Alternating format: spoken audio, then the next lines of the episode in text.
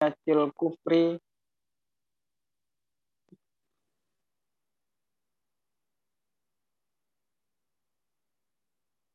kafatihim. Oh, pasal pada kelompok-kelompok dan sumul ini diartikan apa, Ustaz? Kelompok apa ini maksudnya? Uh, kelompok kelompok para filosof. Ya, betul. Terus dan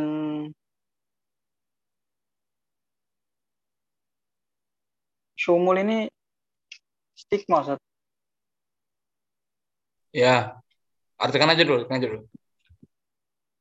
Dan stigma orang-orang kafir eh, mayoritas dari mereka.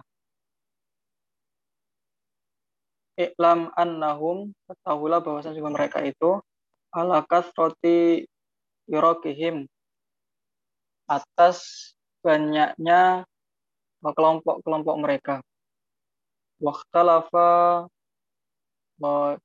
madhahibuhum dan berbedalah mazhab-mazhab mereka uh, wayung kosimu wayung kosimuna ila salah tati aksamin dan mereka membagi kepada tiga bagian. Ad-dohiriyuna uh, yaitu kalangan zohirin uh, watobi'iyuna dan topi'iyun topi'iyun ini naturalis wa ilahiyuna dan ilahiyah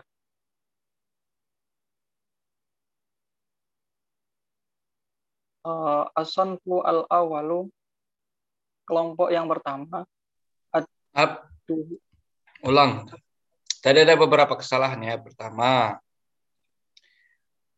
uh, syumul itu apa artinya syumul itu saya kira tadi kamu bilang istikmal kira stigma ya. Sumul apa sumul? Yang lain apa sumul?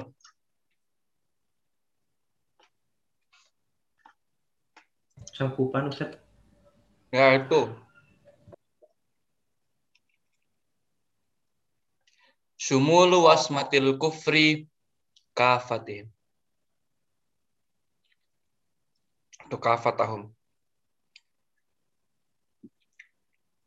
Jadi sebutan kekafiran itu mencakup seluruhnya. Terus yang salah lagi adalah ala kasrati firaqihim wa ikhtilafi madahibihim. Itu ikhtilafun itu isim ya bukan fi. Oh iya. Ad-dahriyuna wa tabi'iyuna wal ilahiyuna. Apa dahriyun itu ya? Nanti dijelaskan sama Imam Al-Ghazali apa dahriyun itu. Ya lanjut, coba. As-sanfu al-awalu kelompok yang pertama. Sanfu apa sinfu? Sinfu, Ustaz. Nah, itu. Benar. Benar ya? Kelompok yang per, kelompok yang pertama ada riyuna wahum dan adapun mereka itu ifatun minal aqdamiyina sekelompok dari oh, filosof kuno Zat. jahadu oh, menolaklah mereka atau menyangkalah mereka as-sani'a al-mudabbira al-alama al-qadira terhadap pencipta yang mengatur uh, alam dan uh, berkehendak atasnya. Salah itu apa? Al-alim itu al-alim, bukan alam ya. Oh, yang mengetahui Ustaz. Iya, itu kan naat manut semua kan as-sani'a, al-mudabbira, al-alima, al-qadir. Ya lanjut. Hmm, kurang murojaah kayaknya nih. Ini punya dua orang Ustaz, yang satu belum masuk soalnya. Ah, ya, sudah, sudah. sudah. Saya Gak apa-apa, silakan. uh, waza'amu dan uh, tadi? waza'amu dan menuduhlah mereka anal alima bahwasanya suatu yang seorang yang mengetahui lam yazal Itu Oh. alam lah itu. Kalau tadi alim, kalau ini alam nih.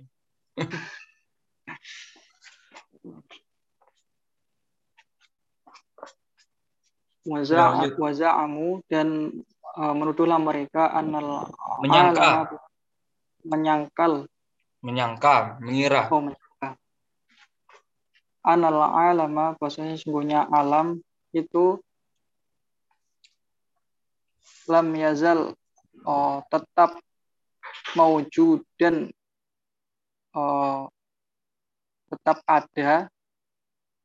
Kadzalika binafsihi seperti itu dengan sendirinya. La yuso la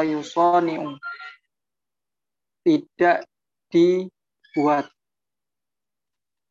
Walam yazal al hayawanu dan tetaplah hewan-hewan itu minan nutfati emin nutfatin dari tercipta dari nutfah. Wa nutfatu minal hayawani dan nutfah itu juga dari hewan. Kadzalika oh, demikianlah kadzalika kana demikianlah oh, keadaannya wa kadzalika yakunu oh kadzalika kana eh, dengan yang demikian itu terjadi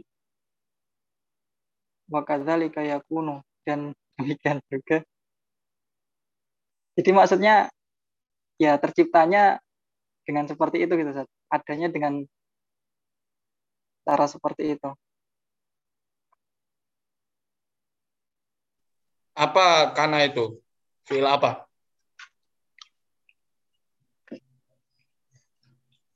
karena Ustaz Hmm. difungsikan sebagai awamil bukan Ustaz Iya, tapi di sini nggak awamil dia nih. ilmu Ustaz. Mm-mm. telah terjadi Fil dan madi, akan kan? terjadi. Berarti begitulah dahulu, wa kadzalika yakunu dan begitulah nanti seterusnya. Abadan. Abadan di situ bukan isim kana tapi itu hal selamanya. zalan wa abadan halnya azali dan kekal. Wahaulai dan mereka eh, dan yang demikian itu.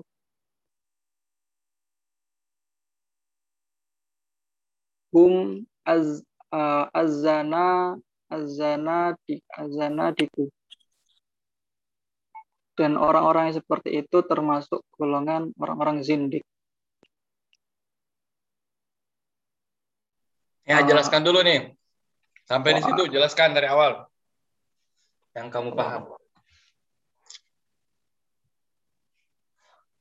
Jadi em, dari banyaknya kalangan filosof itu dapat dibedakan ya karena perbedaan mazhab mereka dapat dibedakan menjadi tiga golongan. Yang pertama yaitu Zohriyun, yang kedua Tobi'iyun, yang ketiga Ilahiyun. Nah, kemudian kelompok yang pertama yaitu eh, Dahriyun atau bisa diartikan material materialis yaitu kelompok atau segolongan dari orang-orang eh, para filosof kuno yang mereka itu menentang atau menyangkal terhadap eh, suatu atau seorang yang menciptakan yang juga mengatur dan juga mengetahui dan juga berkehendak. Uh,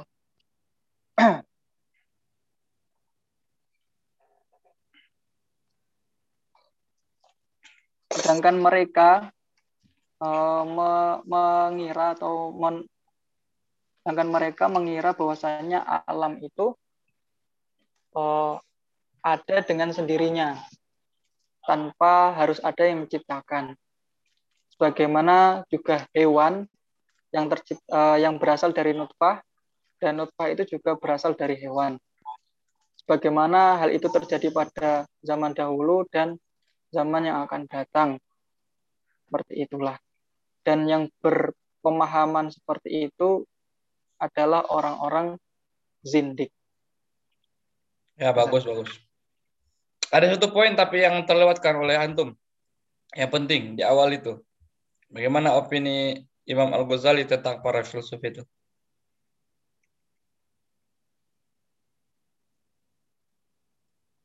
Uh,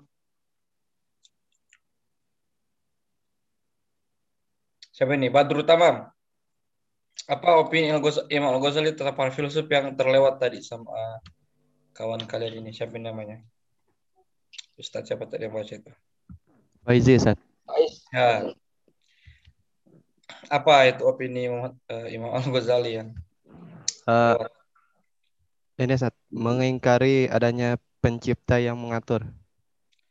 Eh, bukan, maksudnya pendapat Imam Al-Ghazali terhadap para filsuf seluruhnya, seluruh filsuf.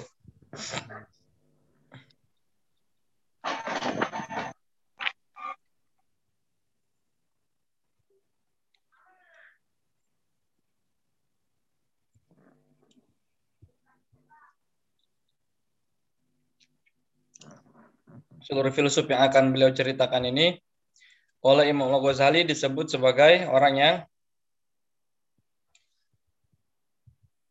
Yang apa itu? Nah, itu kan ada di awal itu. Ada yang apa nggak nih? Saya masih nunggu nih. Siapa tuh ada yang paham. Hmm. Terpecah belah, Set. Bukan yang lebih penting lagi, yang lebih penting lagi tadi situ. Orang zindik, Ustaz. Uh, bukan. Satu lagi, satu lagi. Yang di kolom kafir Ustaz itu. Jadi seluruh orang, eh, seluruh, seluruh para filsuf itu apa statusnya menurut Imam Al Ghazali? Kafir. Meskipun mereka itu macam-macam gitu, Gimana? Kafir, Ustaz. Nah, kafir. Karena di awal banget itu ya. Oh. Sumul wasmatil kufri kafatum. Jadi seluruh filsuf itu dalam ajaran mereka terkandung kekufuran. Nah, gitu ya. Nah, tapi kenapa kok Imam Al-Ghazali mengatakan seperti itu ya? Nanti dijelaskan di situ tiga macam filsuf yang kata Imam Al-Ghazali itu kafir.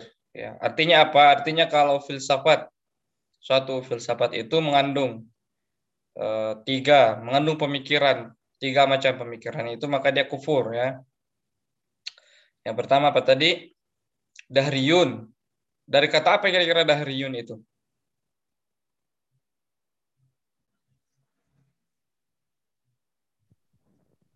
Daharo, Apa artinya? Makan. Apa artinya dahar itu? Dahar, dahriyun ini. Enggak dahar. Apa dahriyun itu? Tadi jawab dahara itu atau apa artinya dahara itu?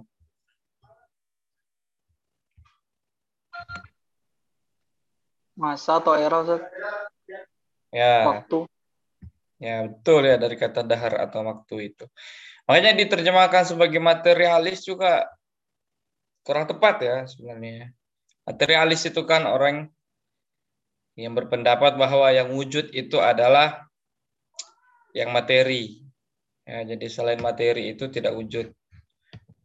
Jadi seluruh yang sifatnya bukan materi itu munculnya dari materi. Misalnya kenapa ada orang percaya pada Tuhan? Tuhan itu kan bukan materi toh. Nah, kenapa ada orang percaya sama Tuhan ya? Karena banyak orang yang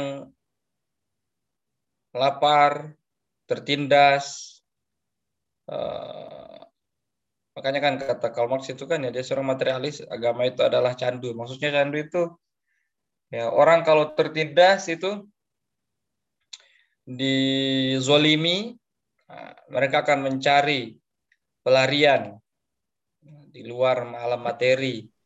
Mereka lalu percaya kepada adanya pembalasan di akhirat nanti. Nantilah kalian dibalas di akhirat. Artinya apa kepercayaan akan adanya akhirat itu yang sifatnya ide itu ternyata muncul dari sesuatu yang materi. Nah, itu materialis itu namanya. Apakah materialis pasti kafir? Enggak juga, tergantung. Kalau dia kalau dia materialismenya itu ontologis, ya dia mengingkari adanya Tuhan nanti karena Tuhan itu bukan materi, berarti dia bisa kafir. Tapi kalau ada orang yang menggunakan materialisme itu hanya sebagai aliran dia dalam menganalisis segala sesuatu ya belum tentu kafir. Misalnya apa? Misalnya kenapa muncul aksi bela Islam 212? Ada mengatakan oh, karena umat Islam itu didorong oleh keikhlasan dan keimanannya. Itu bukan analisis materialis itu. Kalau analisis materialis ya sudah lihat kondisi sosial, ekonomi yang terjadi di situ. Itulah yang kemudian melahirkan peristiwa-peristiwa. Karena kadang analisis materialis itu justru lebih lebih membuat kita melek gitu ya. Kayak zaman Dahlan itu kan analisisnya cukup materialis itu ketika lihat keadaan umat Islam. Tapi saya nggak bilang kayak zaman Dahlan itu materialis ya, tapi dia memperhatikan aspek-aspek material. Orang Islam mundur itu ya jangan langsung terus wah kita memang dihukum Allah Subhanahu wa taala karena kita sudah menjauh dari sunnah. Ya itu mungkin benar, tapi ada juga aspek-aspek material dalam kemunduran orang Islam. Ya karena mereka memang goblok, nggak punya sekolah, maka dibikin sekolah. Kalau sakit pada kedukun, angka harapan hidupnya pendek, maka dibikin rumah sakit. Nah, itu kan muncul dari inisiatif yang memperhatikan hal materi. Kita kembali ke sini, dahriyun itu lebih kepada waktu ya.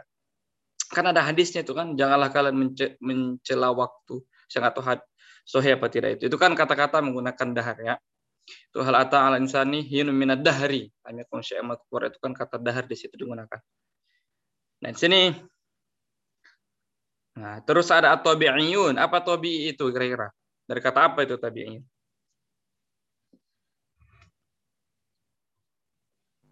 Toba'a, Ustaz. Ya, ya, apa toba'a itu? Tabiat Ustaz. Ya, tabiat. Ya, dari situ semua muncul kata tabiat. Tapi apa gitu ininya?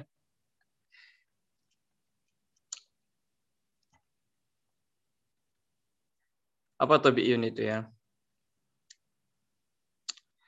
Ya, apa atau ini kira-kira? Kalau di kamus mencetak, Ustaz. Hah? Mencetak.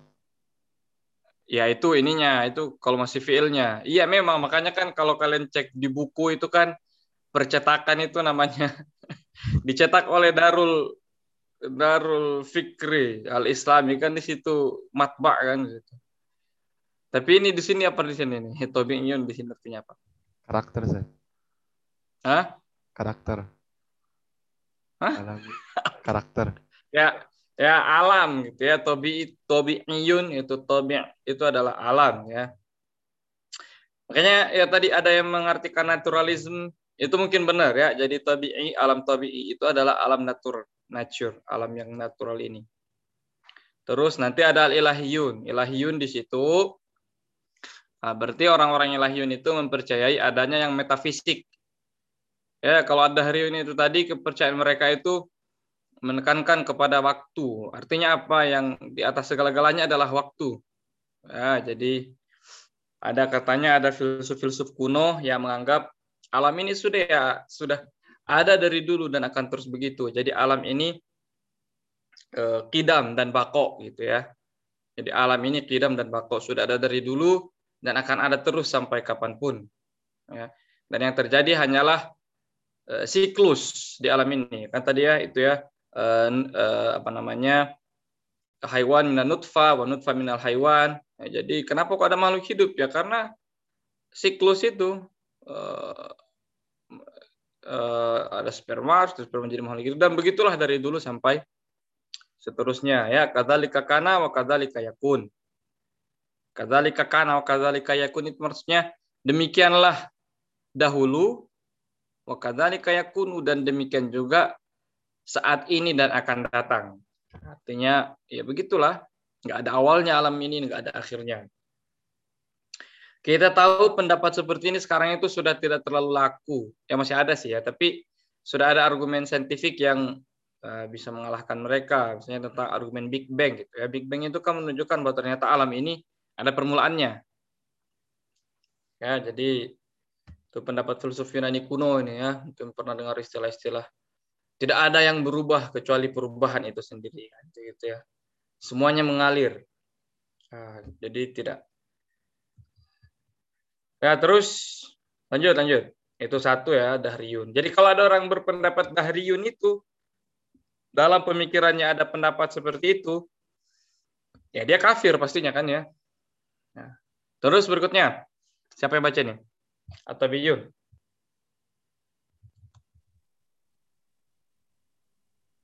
Lagi Ustaz. ya, monggo.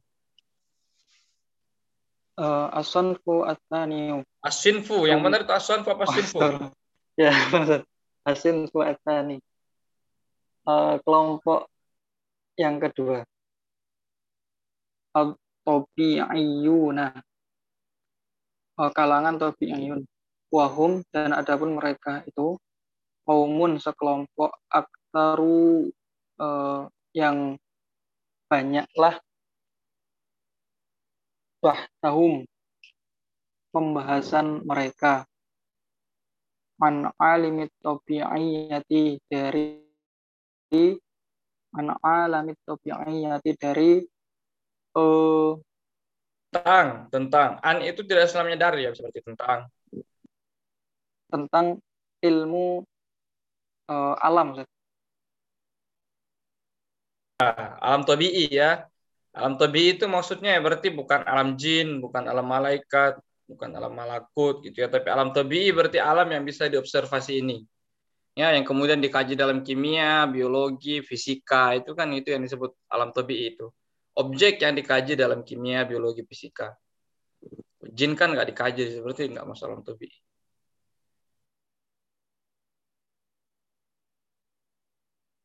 Uh, wa an hayawani wan nabati. Juga dari aspek keajaiban, keluar biasaan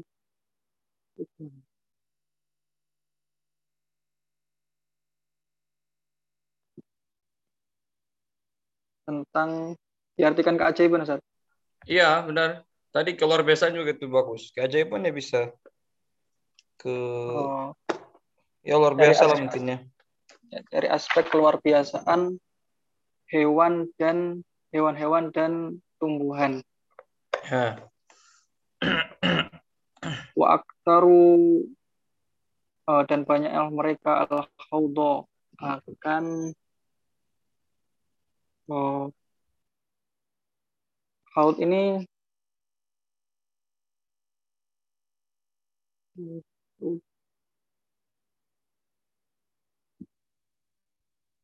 menyelam ya Ustaz?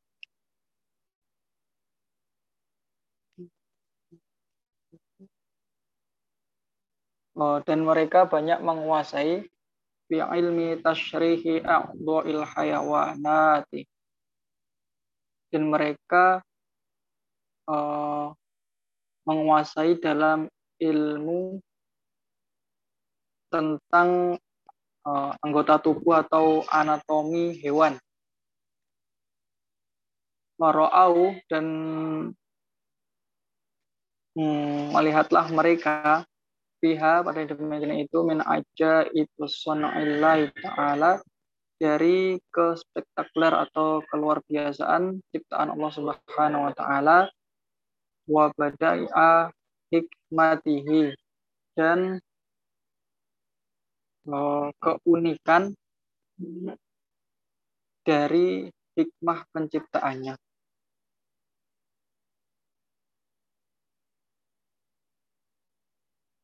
Oh. Ma ittorru apa-apa yang memaksalah mereka ma'ahu bersamanya ila irofi terhadap hmm, Oh, memaksa mereka untuk mengakui sifat sifatiri sifatirin hakimin terhadap seorang pencipta yang bijaksana.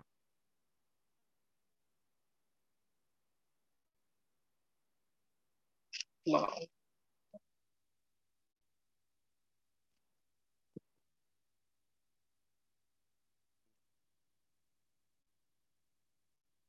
Matlaun yaitu tempat ala ghayatil umuri oh, atas tujuan apa ini tujuan tujuan pemeri, uh, tujuan perintah wa mako sidiha dan uh, uh, maksud atau tujuan syariatnya.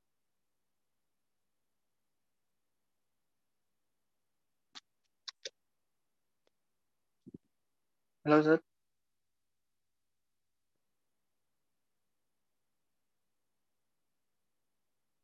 Halo, apa Ustaz? Oh ya, tadi saya lihat mana tempat buka mic-nya. Halo.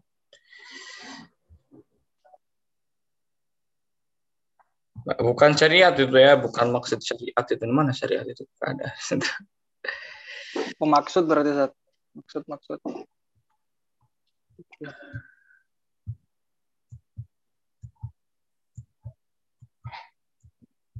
Ya, umur itu ya, hak itu kembali ke umur.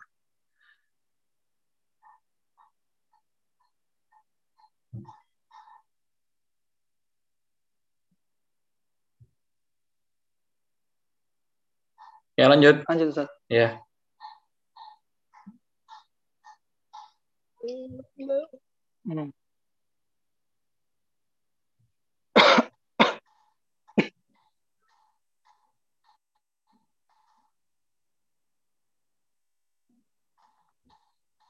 Wala uh, yutliu yutlau atla Atla wa- wala yutliu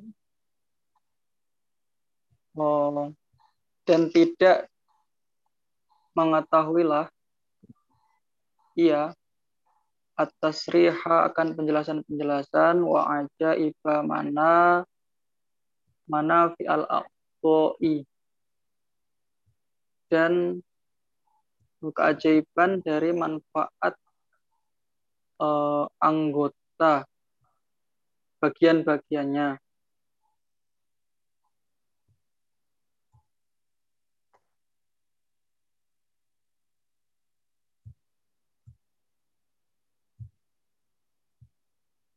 Hmm. Mutoli'un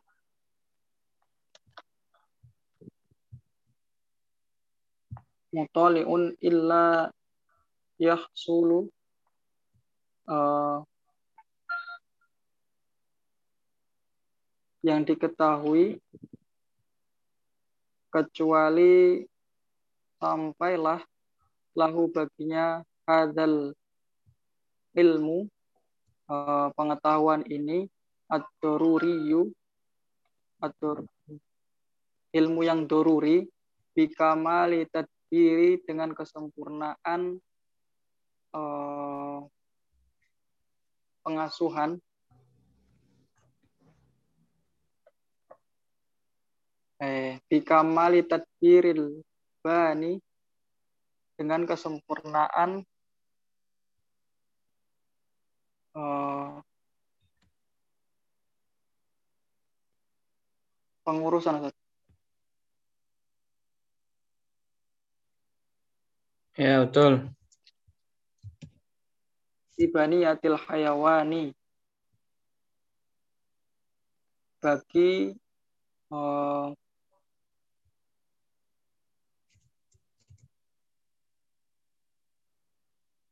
bagi susunan susunan makhluk hidup Ustaz?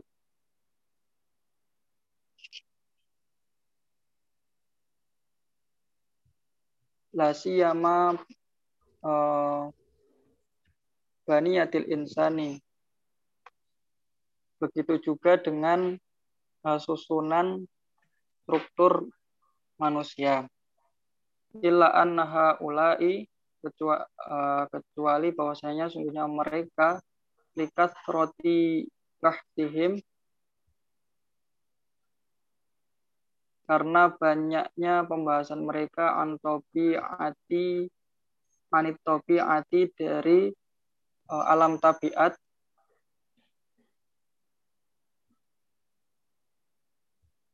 Itu zohrun. Tampaklah jelas indahum di sisi mereka.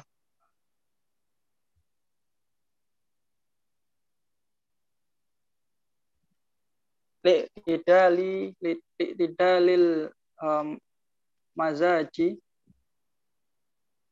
karena adanya uh, kese,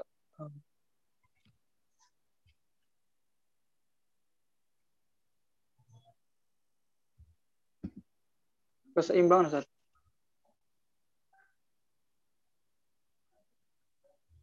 Karena adanya perpaduan just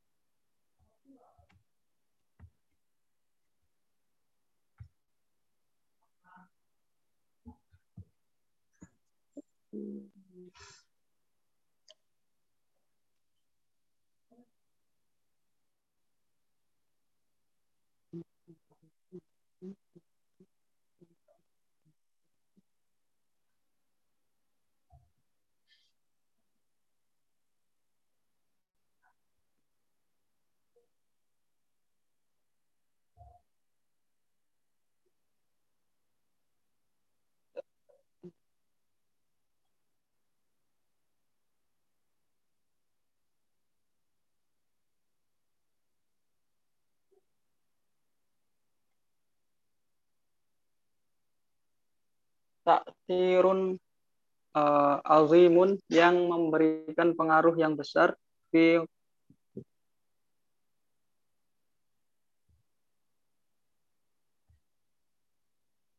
fi qawami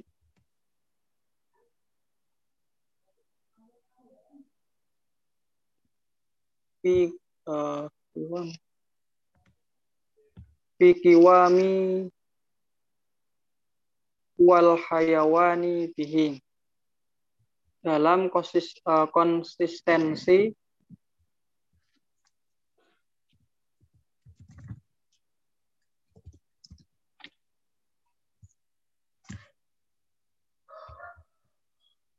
kekuatan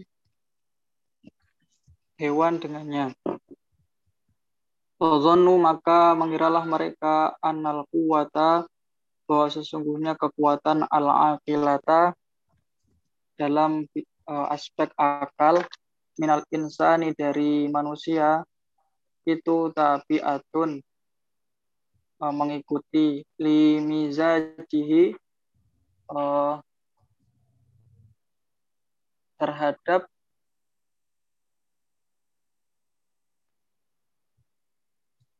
terhadap watak limizajihi aidon. Oh, karena wataknya juga. Wa annaha dan sungguhnya yaitu uh,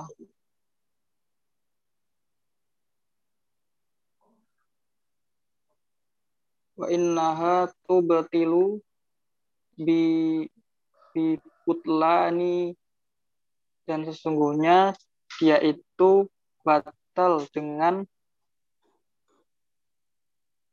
pembatalan mizajihi uh, wataknya.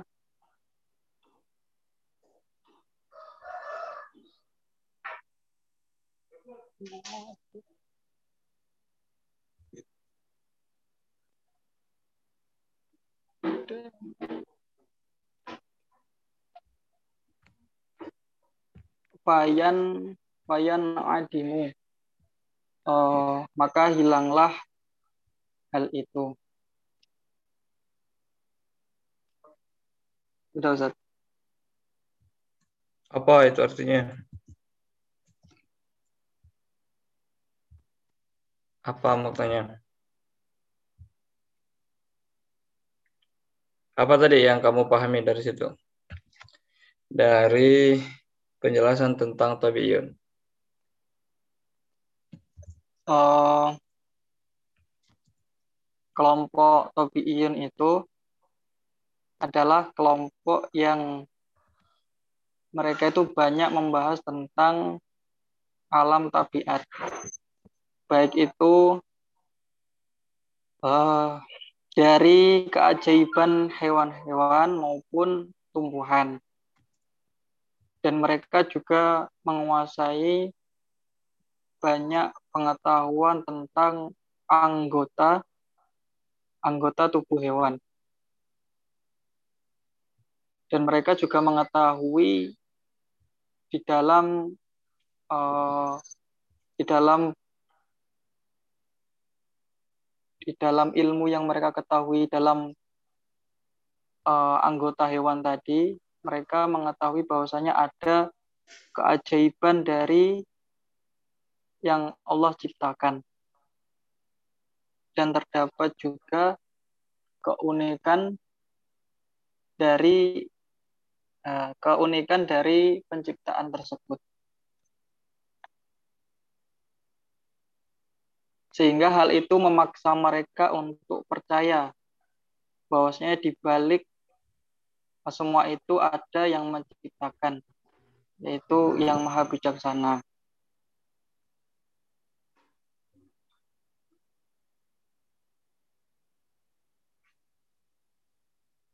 Yang mereka mengetahui bahwasanya itu sesuai dengan tujuan penciptaannya. Ya, bagus. Tadi saya tidak terlalu ini ya. Jadi, uh, ada yang bisa jelasin nggak kira-kira naturalis ini orang yang seperti apa kalau dalam penjelasan Imam Ghazali? Jangan diulang lagi ininya terjemahannya. Maksudnya secara ringkas. Misalnya ya, misalnya tadi ad itu adalah uh, kalau sekelompok filsuf yang mengatakan bahwa ya, alam ini tidak ada awal dan tidak ada akhirnya. Ya sudah dari dulu. Begitulah dari dulu begitu juga suatu saat nanti. Bahwa makhluk itu tidak ada penciptanya. Kayak gitu ya. Nah kalau tabi'in ini kira-kira filsuf yang mempelajari apa para tabi'un ini apa yang mereka pelajari Hah? menganalisis. Ya apa yang dianalisis sama dia gitu. Kalau tabi'un. Makhluk hidup Ustaz. Ya, alam ya. Jadi kebanyakan makhluk hidup memang ya. Makanya saya bilang dulu sekali atau kalian harus ingat ini setidaknya inilah yang kalian ketahui dari sini ya. Kalau dikatakan filsuf di zaman Imam Al-Ghazali gitu itu tuh sudah termasuk orang-orang yang saat ini mungkin kita sebut sebagai apa saintis gitu ya. Orang-orang yang mempelajari alam itu ya zaman dulu ya disebutnya sebagai filsuf gitu ya. Orang masuknya sebagai filsuf.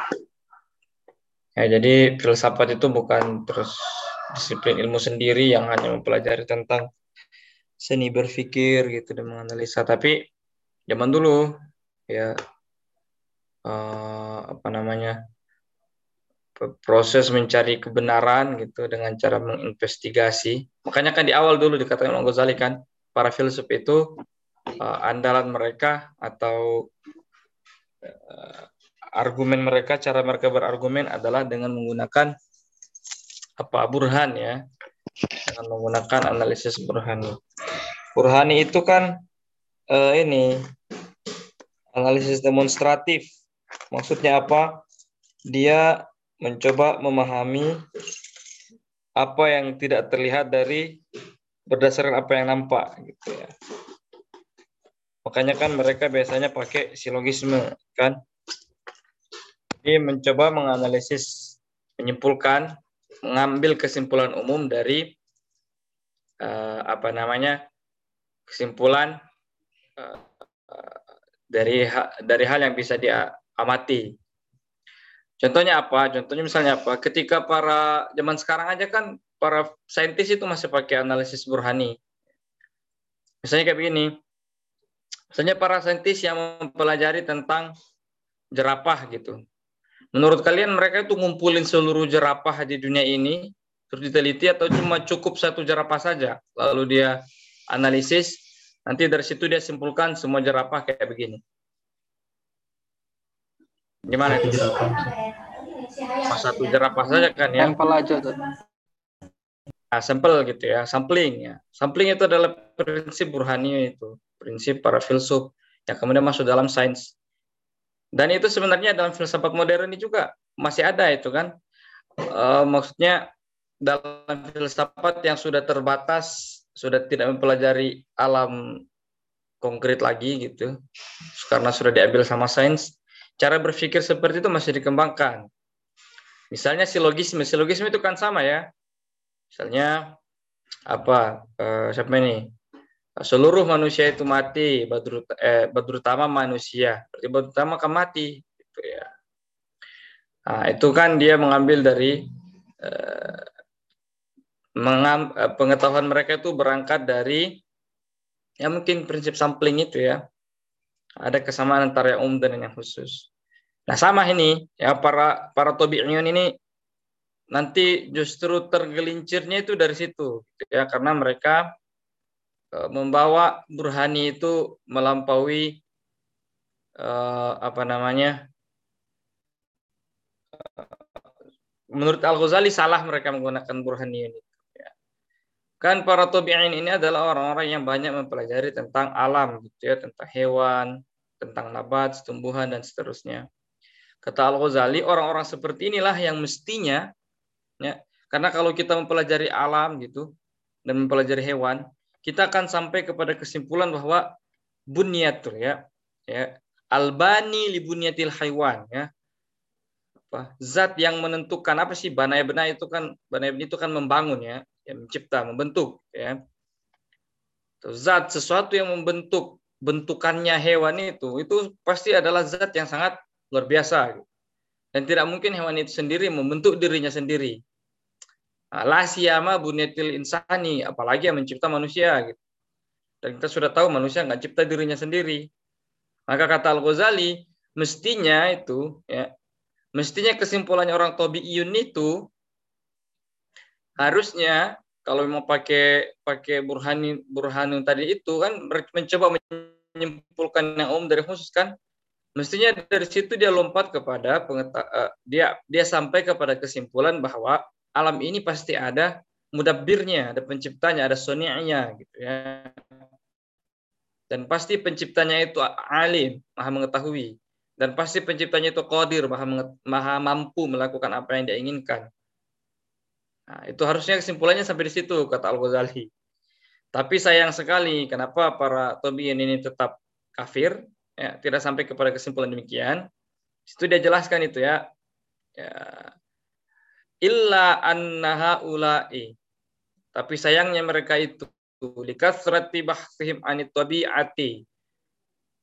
Karena mereka terlalu banyak atau karena mereka sangat banyak meneliti tentang alam tabi'it, zahara indahum justru nampak bagi mereka ini setidaknya sains pada zaman Imam Ghazali ya sekarang sudah lebih canggih indahum li li tidak mizaji ta'thirun azimun fi qawamil fi qawamin saya cek dulu punya saya itu. Biasanya versi kitab saya lebih benar. Beda cetakan soalnya ini. Tapi tapi sama maknanya ya.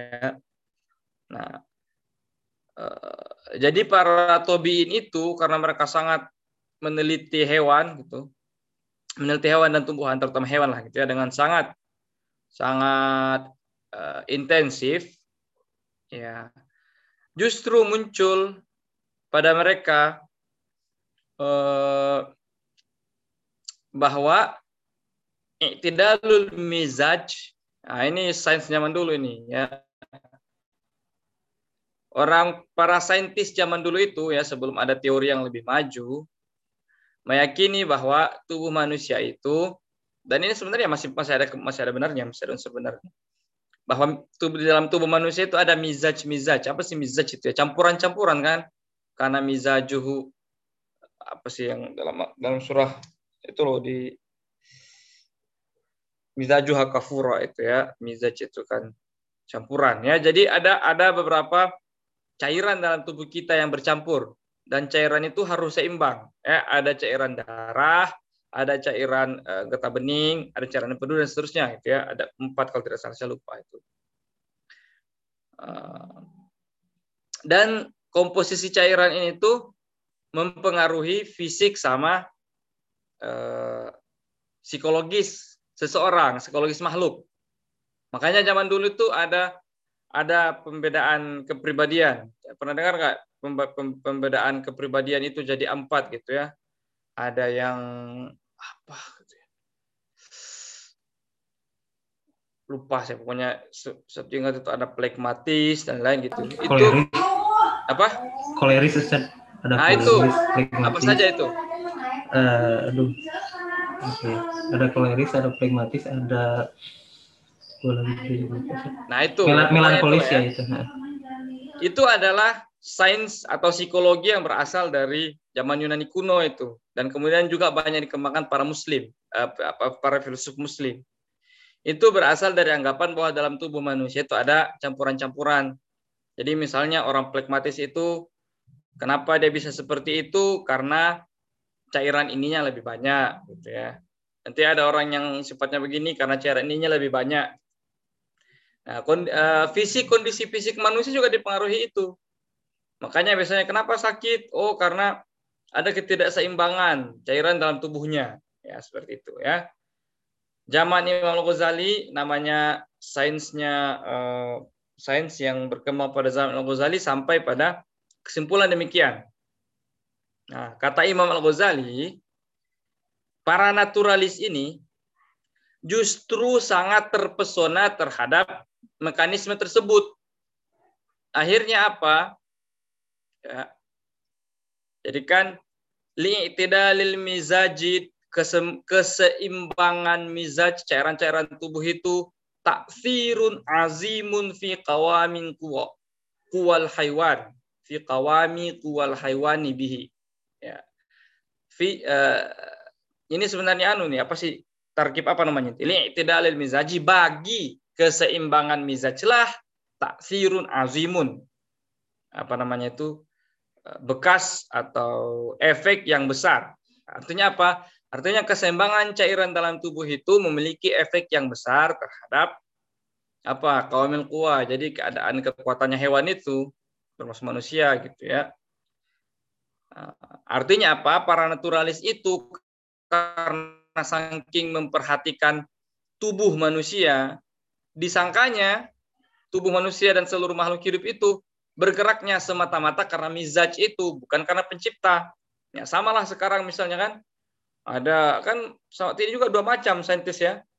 Ada orang yang terlalu mempelajari uh, dokter biasanya tuh neuroscience gitu, mempelajari neuroscience atau sains tentang otak manusia, dia sampai pada kesimpulan, oh ini sangat kompleks ini, luar biasa, subhanallah. Ini pasti diciptakan oleh Tuhan dia jadi uh, saintis yang beriman. Tapi ada juga orang yang seperti para saintis yang disebut Al-Ghazali ini. Akhirnya mereka menyimpulkan, oh enggak itu, tidak ada itu yang namanya keimanan itu. Keimanan itu muncul karena terus dia kasih penjelasan neuroscientific. Oh itu karena begini-begini saja gitu ya. Uh, macam-macam. Pokoknya segala sesuatu pengen dia jelaskan pakai penjelasan ilmu yang dia pakai. Ini sebenarnya juga kepada misalnya apa? Misalnya Gunung Merapi terjadi. Oh, Gunung Merapi itu kan kata orang beragama itu azab dari Tuhan. Tidak kayak begitu. Gunung Merapi itu erupsi karena terjadi pergeseran lempeng uh, lempeng tektonik. Ya itu begitu tuh. Nah, jadi uh, orangnya ini terlalu fokus ya.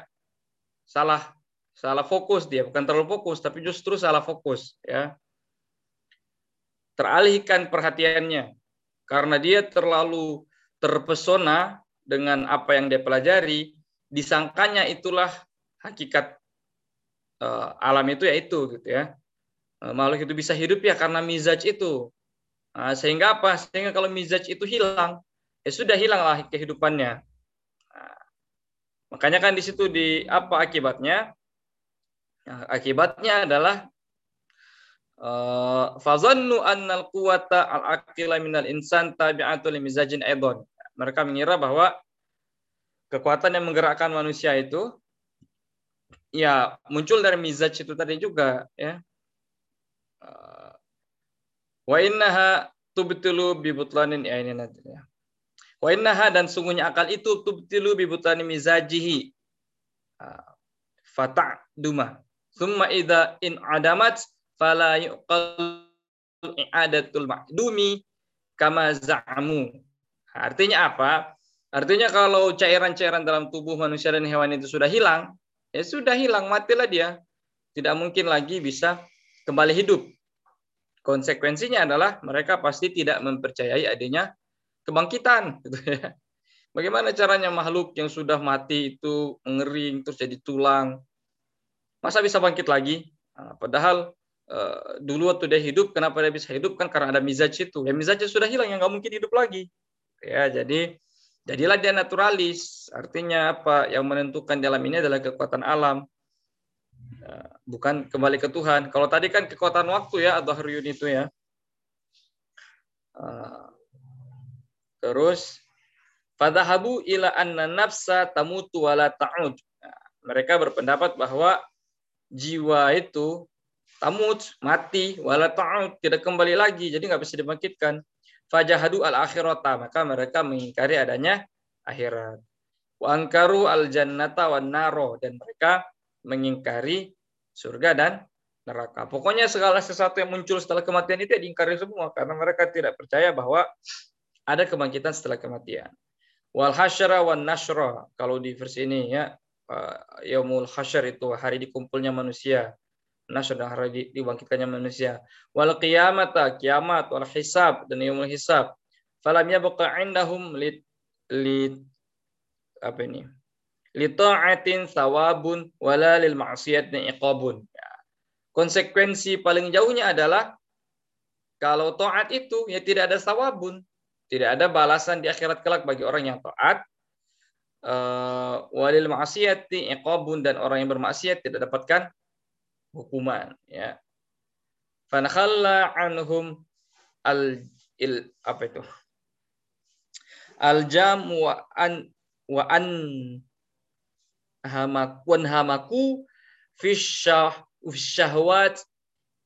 inhakul in'ami ya jadi ini adalah konsekuensi etis dari uh, konsekuensi etik daripada pendirian mereka ya kalian bisa lihat kan alur berpikirnya para filsuf yang dikritik Al Ghazali ini bermula dari pengamatan yang sifatnya biologis gitu nanti akan ada konsekuensi etiknya Biologis itu maksudnya apa? Mereka meyakini bahwa makhluk hidup itu fisik dan mental, eh, fisik dan mentalnya itu dipengaruhi oleh tadi itu ya mizaj itu masjun ya campuran-campuran cairan dalam tubuh manusia.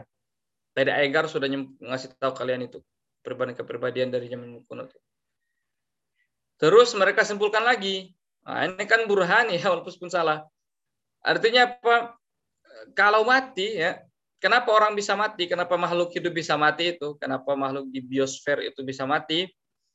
Karena hilang cairan-cairan itu. Dan kalau cairan-cairan itu hilang, tidak akan bisa muncul lagi. Artinya lagi apa? Artinya orang kalau sudah mati tidak bisa bangkit lagi. Artinya apa? Artinya tidak ada yang namanya hari kiamat. Artinya apa? Artinya tidak ada balasan bagi amal kebaikan dan tidak ada hukuman bagi amal keburukan. Nah, artinya apa? Artinya kita bebas melakukan apa saja yang kita mau di dunia ini. Nah, makanya mereka ikuti syahwat dengan sesuka hati. Ya itu ya. Jadi kalian lihat tadi ya dari pengamatan yang sifatnya empirik. Nah, itu kan pengamatan empirik ya. Di tubuh manusia ada cairan-cairan muncul kesimpulan yang sifatnya metafisik. Metafisik itu ya dia ngasih kesimpulan tentang tujuan hidup manusia gitu ya. Nggak ada berarti tujuan hidup manusia itu. Orang manusia itu ditentukan sama cairan-cairan. Lalu nanti akan ada kesimpulan etis. Etik secara etika berarti ya baik buruk itu ya biasa aja lah. Kita bebas melakukan apa saja syahwat kita.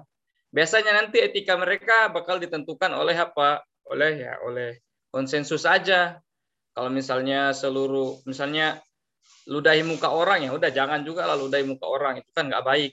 Tapi nggak baiknya bukan karena itu berdosa atau gimana gitu tapi ya menurut standar etika kita tidak baik. Jadi eh, kalian bisa lihat di situ ya. Dan sampai saat ini tuh ya masih kayak begitu teman-teman semua. Jadi misalnya kenapa ada orang yang apa namanya mengkritisi aspek-aspek tertentu dari sains padahal dia bukan saintis itu karena ya aspek tertentu dari sains punya implikasi dalam Eh, punya implikasi etik misalnya dan bahkan punya implikasi metafisik.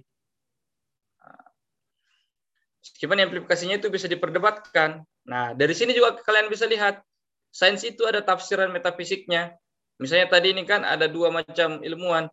Ada yang ketika melihat kompleksnya makhluk hidup itu langsung sampai pada kesimpulan, oh pasti ada penciptanya ini.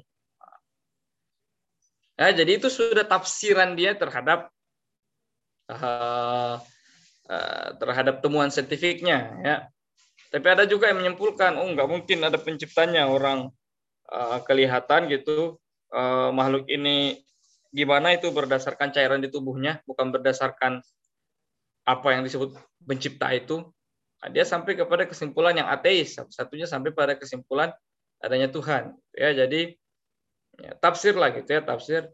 Makanya biasanya kalau ada apa namanya para saintis gitu ya dia profesor apa gitu terus menyatakan tidak ada Tuhan gitu. Ya, sama orang-orang oh iyalah harus dipercaya orang dia profesor gitu.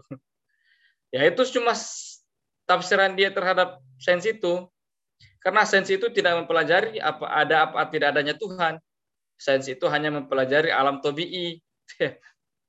Nanti apakah pengetahuannya tentang alam tobi itu sampai kepada kekafiran seperti orang-orang dikritik Al-Ghazali ini atau sampai kepada uh, uh, panteistik atau sampai kepada deisme atau bahkan sampai kepada tauhid? Nah itu nanti akan berbeda-beda lah itu ya. Tergantung pandangan pandangan pandangan alam dari para saintis itu sendiri Terus kenapa orang-orang naturalis ini ya? Gara-gara cara berpikir yang naturalis itu begitu, maka haulai aidan zanadiqah. Lianna al-asla al-imana wa huwa al-imanu billahi wal yawmil akhir wa haulai jahadul yawmil akhir wa in amanu billahi wa sifatihi. Nah, jadi di kalangan tobi itu, ya, jadi kalian lihat ya, paling kafir pokoknya itu Dahriyun tadi ya, materialis. Tidak mengakui adanya Tuhan. Tapi kalangan tobi'i itu masih ada ke, uh, masih ada beberapa uh, filsuf tobi'i yang sampai pada kesimpulan bahwa ada Tuhan. Ya, karena melihat kompleksitas makhluk hidup. Ya, dia lihat uh, anatomi makhluk hidup itu sangat luar biasa. Oh, pasti ada Tuhan ini. Nah, tapi karena dia lihat makhluk hidup yang sudah mati itu nggak bisa bangkit lagi, maka dia mengingkari hal lain dari Eh, hal-hal yang harus diimani yaitu akhirat. Nah, maka mereka itu mengingkari akhirat meskipun mengimani adanya Tuhan. Nah, tetap kafir gitu ya. Memang mengimani Tuhan itu perlu maksudnya rukun iman pertama lah gitu. Tapi habis itu harus mengimani akhirat. Ya makanya kan disebutnya al imanu billahi wal yaumil akhir. Wahum jahadu yaumal akhir wa in amanu billahi. Mereka beriman kepada Allah tapi mereka mengingkari hari akhir. Mereka beriman kepada Allah kenapa? Karena mereka melihat kompleksitas tubuh makhluk hidup itu luar biasa. Mesti ada penciptanya. Tapi habis itu dia lihat, oh makhluk hidup ini kalau sudah mati ya nggak mungkin bangkit lagi. Oh berarti namanya akhirat nggak ada. Nah, jadi jadilah mereka orang yang percaya Tuhan tapi tidak percaya akhirat. Kafir juga jadinya ya. Masih ada waktu nggak ini?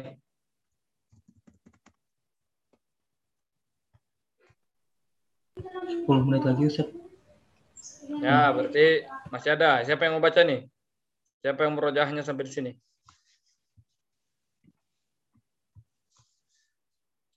Sedikit aja itu ya, nggak mungkin habis ini.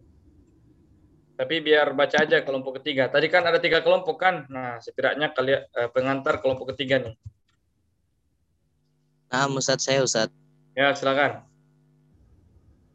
Bismillahirrahmanirrahim. Asinfu asalisu kelompok yang ketiga. Al ilahiyuna kaum teis. Wahum al mutaakhiruna minhum. Dan ataupun mereka itu orang-orang yang terakhir atau yang paling akhir dari kalangan filosof. Mislu Sukroto seperti Sokrates bahwa Ustadzu Afalatu. Dia adalah guru dari Plato wa Afalatu Ustadzu Aristotelisa. Eh, Plato itu guru dari Aristoteles. Wa Aristotelisa huwallazi rattabalahum al-mantiqa. Dan adapun Aristoteles itu dia adalah orang yang menata lahum bagi mereka al-mantiqa ilmu mantik. Wa dhahaba al-uluma dan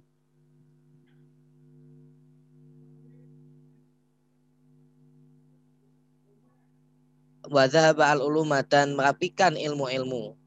Wa khammaralahum dan mengolahlah ia bagi mereka malam yakun muhammiron sesuatu yang belum terolah mingkoblu sebelumnya wa an wa anan dijalahum dan memasak ilmu-ilmu lahum bagi mereka makana fajamin ulumihim sesuatu yang masih mentah dari ilmu-ilmu mereka.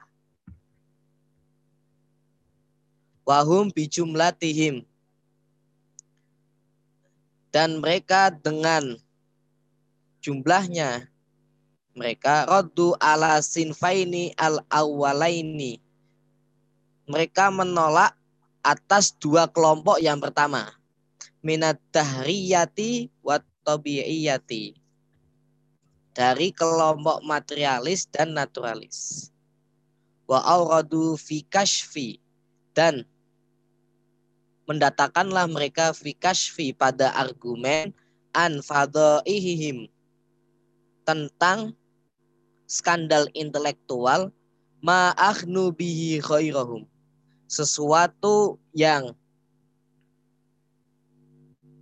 mereka ungkap selain mereka.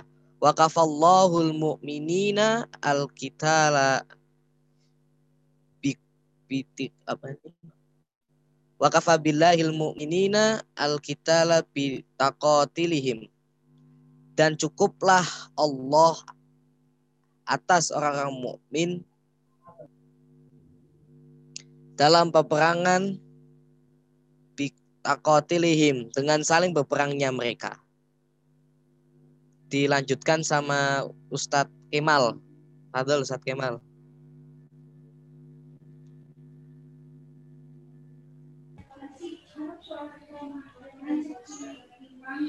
Bismillah.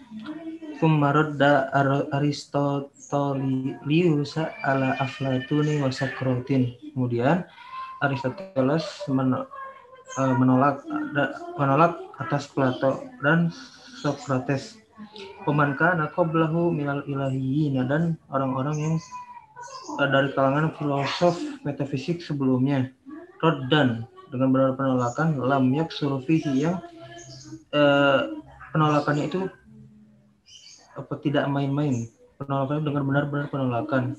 Hatta innahu sehingga eh, hatta innahu sampai sampai sampai eh, Aristoteles itu tabra amin jami'ihim. Mempertahankan rendah rendahnya sisa-sisa kafir, kekafiran. Illa innahu istabqa min radha'ili kufrihim kecuali bahwasanya uh, Aristoteles itu mempertahankan dari sisa-sisa kekafiran itu. Wabidaatihim dan kebidahan mereka. Bakoyan halnya tetap lam lam yuafik din nuzu'i anha. Tidak tak bisa tertolong tidak bisa tertolong linuzuli anha linuzui anha untuk menghilangkannya. Fawujiba bizalika takfiruhum maka wajib kepada mereka itu untuk mengkafir maka wajib bagi mereka itu pengkafirannya untuk pengkafiran mereka. Wa takfiru muttabi'ihim muttabi'ihim dan wajib juga mengkafirkan orang-orang yang mengikuti mereka. Min mutafal sifatil muslimin dari orang-orang eh, apa orang-orang yang ahli filosof orang-orang muslimin kabni kabni Sina wal Farabi wa amsaliha. Wa amsalihi ma. Seperti Ibnu Sina, Al Farabi dan semisal keduanya. Ala annahu hanya saja lam yakum binakli ilmi Aristoteliyasa ahadun min mutafal sifatil islamiyina. Hanya saja tak seorang pun dari kalangan filosof Islam yang mentransfer filsafat Aristoteles sebaik yang dilakukan dua tokoh barusan itu. Kekiami hadainir rajulaini seperti yang dilakukan oleh Ibnu Sina dan Al Farabi wa ma naqalahu wa ma naqalahu ghairuhuma. Dan tidak dan apa? Ya tidak tidak sebaik apa yang dinukilkan keduanya itu. Laisa laisa yakhlu min tahbutin wa takhlitin. Min tahbitin wa apa yang telah ditransfer oleh selain mereka berdua tidak terlepas dari kekacauan dan kebingungan. Yatashaw yat yatashawsu yata yata yatashawsu fihi qalbul Syawwasu. oh yatashawwasu fihi qalbul matoli'i yang mengacaukan pikiran eh, orang-orang yang mengikutinya itu hatta la yafhamu sampai-sampai eh, ia tidak paham wa ma la yafhamu. Dan ya tidak tidak paham mereka. Kaifa yaruddu au yakbil. Eh, ini tuh bisa diterima atau ditolak. Wa majmu'u masahha indana dan adapun kesimpulan yang benar menurut kami min filsafati Aristoteles dari filsafat Aristoteles itu bihas binak lihada ini rojula ini dari yang apa dinukilkan atau disimpulkan oleh dua orang tadi ini dua orang dari mulai Ibnu Sina dan Al Farabi itu yang hasil fi salasati aksamin terbatas atau ya dibatasi dalam tiga bagian. Kismun ya jibut takfiru bih yang pertama eh, bagian atau kategori yang menyebabkan bisa dikafirkan atau kismun yujabut takfiru bih wa kismun yujabut tabdi ubih atau bagian yang kedua yaitu kategori yang menyebabkan bisa di, digolongkan dibid'ahkan. Wa kismun la yujabu inkaruhu aslan. Dan yang bagian ketiga yaitu kategori yang tidak perlu mengingkarinya sama sekali. Fal nafsiluh. Oleh karena itu kami akan memperincinya. Allah nufassiluhu. Oh Ya, gitu. untuk yang selanjutnya akan dibacakan oleh yang selanjutnya Ustaz. ada siapa antara Ridwan sama Rizky ya Masih ada waktu nggak nih? lima menit lagi Ustaz Ya, kalian dulu lah. Ini sampai sini dulu. Habis ini kan sudah Oh. apa? Siap Ustaz. Hmm. Dimas, Ustaz Dimas bisa dijelaskan dulu mungkin yang bagian antum ke teman-teman.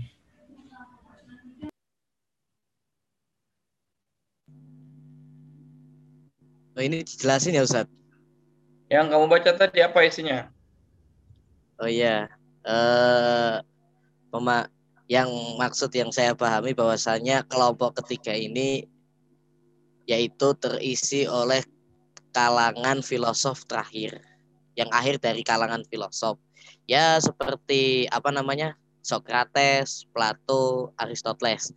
Nah, sedangkan Aristoteles itu merupakan seorang filsuf yang mana beli dia itu yang menata atau mensistematisasi ilmu mantik bagi filsuf-filsuf yang lain.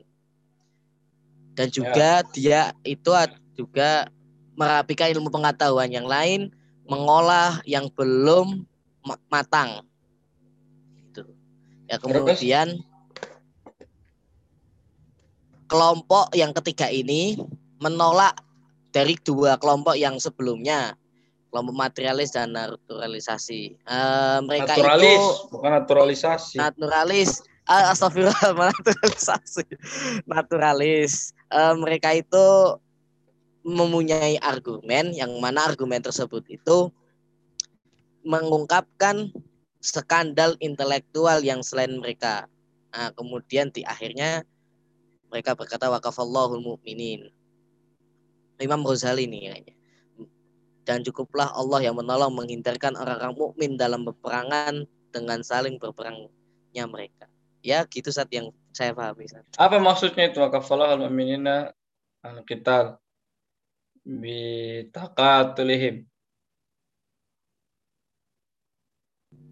ya menjauhi perdebatan mereka lah Zat, kalau menurut saya Zat. Surah Al-Ahzab ya ayat 25 itu. Kenapa itu?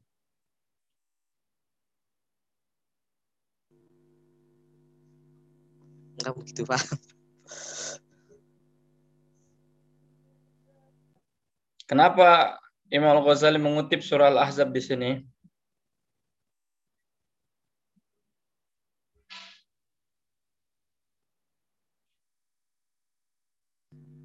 Kurang maksud Zat, kurang paham Zat. Ada yang tahu enggak?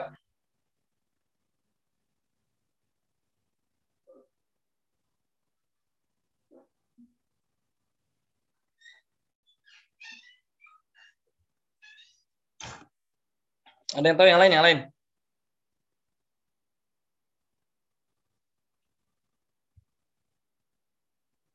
Tidak ada. Eh, besok saya mau nanya nih kalau kita mulai ya. Kenapa tiba-tiba ada ayat di situ gitu ya. Yang penting kalian sudah lihat bahwa eh, di sini Imam Al-Ghazali itu me, apa namanya ya? mengelompokkan para filsuf itu mulai dari yang paling kafir sampai yang paling tidak kafir. Ya, meskipun mereka semuanya kafir, tapi mulai dari yang paling parah kekafirannya sampai kepada yang kekafirannya tidak begitu parah. Eh, paling atas itu kan Dahriyun itu benar-benar tidak mengakui adanya Tuhan. Makanya memang banyak yang mengartikan materialis itu kan memang betul-betul tidak mengakui adanya yang goib. Ya. Kemudian di bawahnya ada naturalis atau tabi'iyun. Para tabi'iyun itu di antara tabi'iyun ada yang masih sampai pada kesimpulan bahwa Tuhan itu ada. Tapi mereka mengingkari apa yang diingkari oleh para tabi'iyun?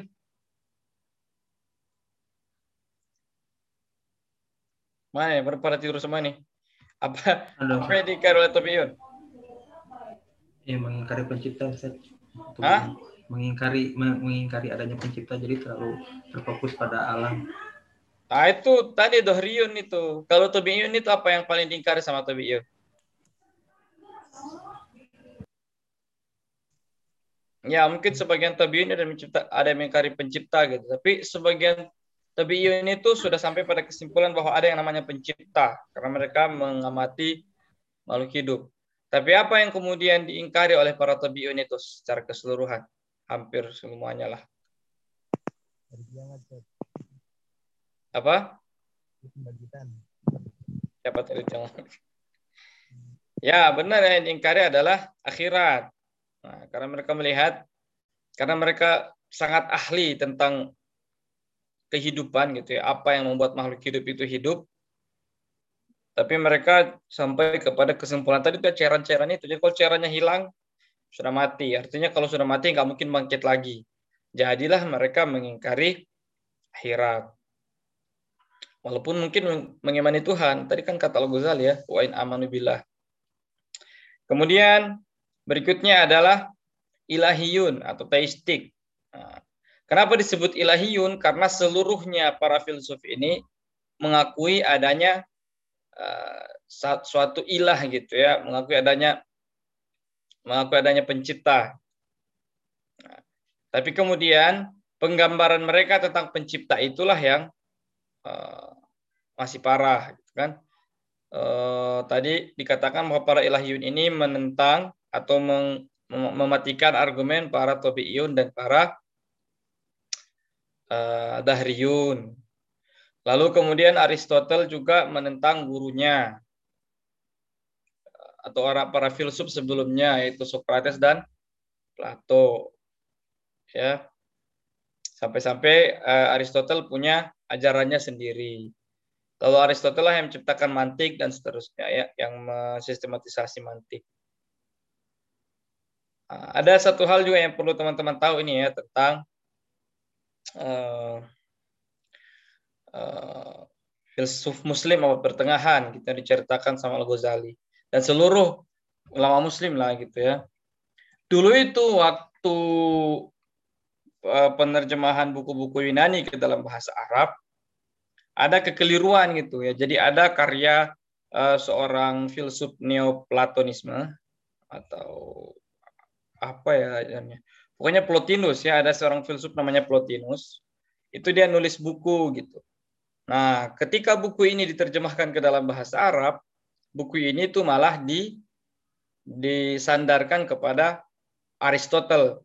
Jadi oleh para filsuf muslim, termasuk Al-Ghazali bahkan, eh, dianggapnya apa yang ada dalam buku itu adalah pemikirannya Aristotle. Padahal bukan, itu adalah pemikirannya Plotinus. Tapi ya bukan salah dia lah, ini salah yang menerjemahkan. Memang di dalam bukunya Plotinus itu eh, ada penegasan bahwa ada satu uh, al aslu gitu ya, ada suatu asal. Asal di sini maksudnya kayak semacam Tuhan gitu ya, semacam semacam asal dari uh, semacam wajibul wujud gitu ya, semacam wajibul wujud bagi alam ini ya. Ya Tuhan lah mungkin bisa diartikan sebagai Tuhan. Makanya mereka semua disebut sebagai ilahiyun. Nah, tapi kata Al-Ghazali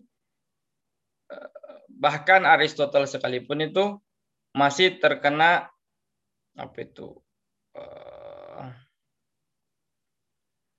apa tadi istilahnya ya?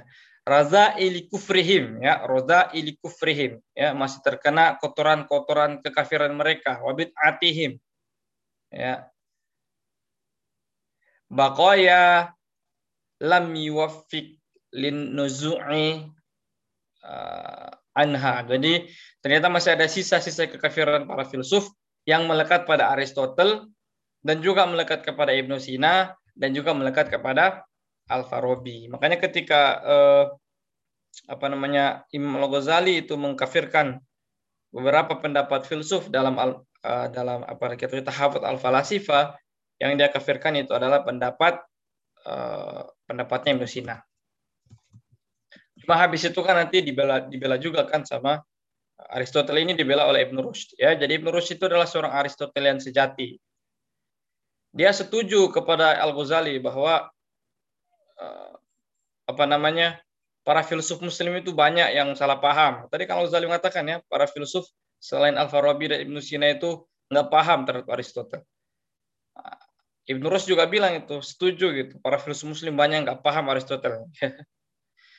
Tapi kemudian eh, apa namanya si Ibn Rus juga mengatakan Ibn Rus juga ya membela gitu ajaran Aristotle. Maksudnya apa?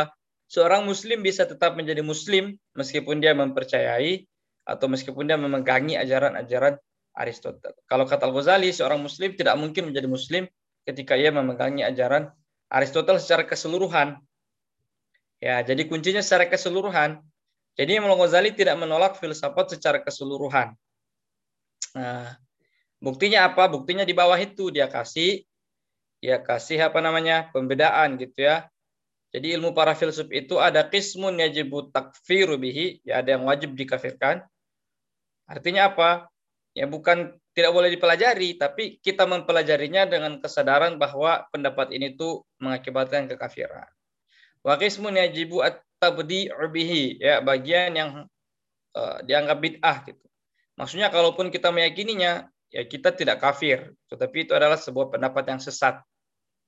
Kemudian kismun la yajibu inkaruhu aslan.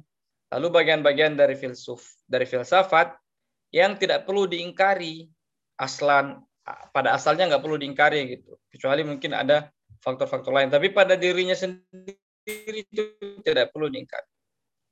Ah, fala nufassiluhu maka kami akan me membuat tafsil atau me merincinya pada pertemuan-pertemuan atau pada paragraf-paragraf berikutnya. Nah, itu nanti akan kita bahas ya. Jadi bagaimana Imam Al-Ghazali merinci ilmu para filsuf. Ya baiklah sampai di sini. Tolong nanti teman-teman uh, sambil baca ini tuh sambil cari referensi-referensi di luar ini gitu biar biar kalian paham gitu kan ya.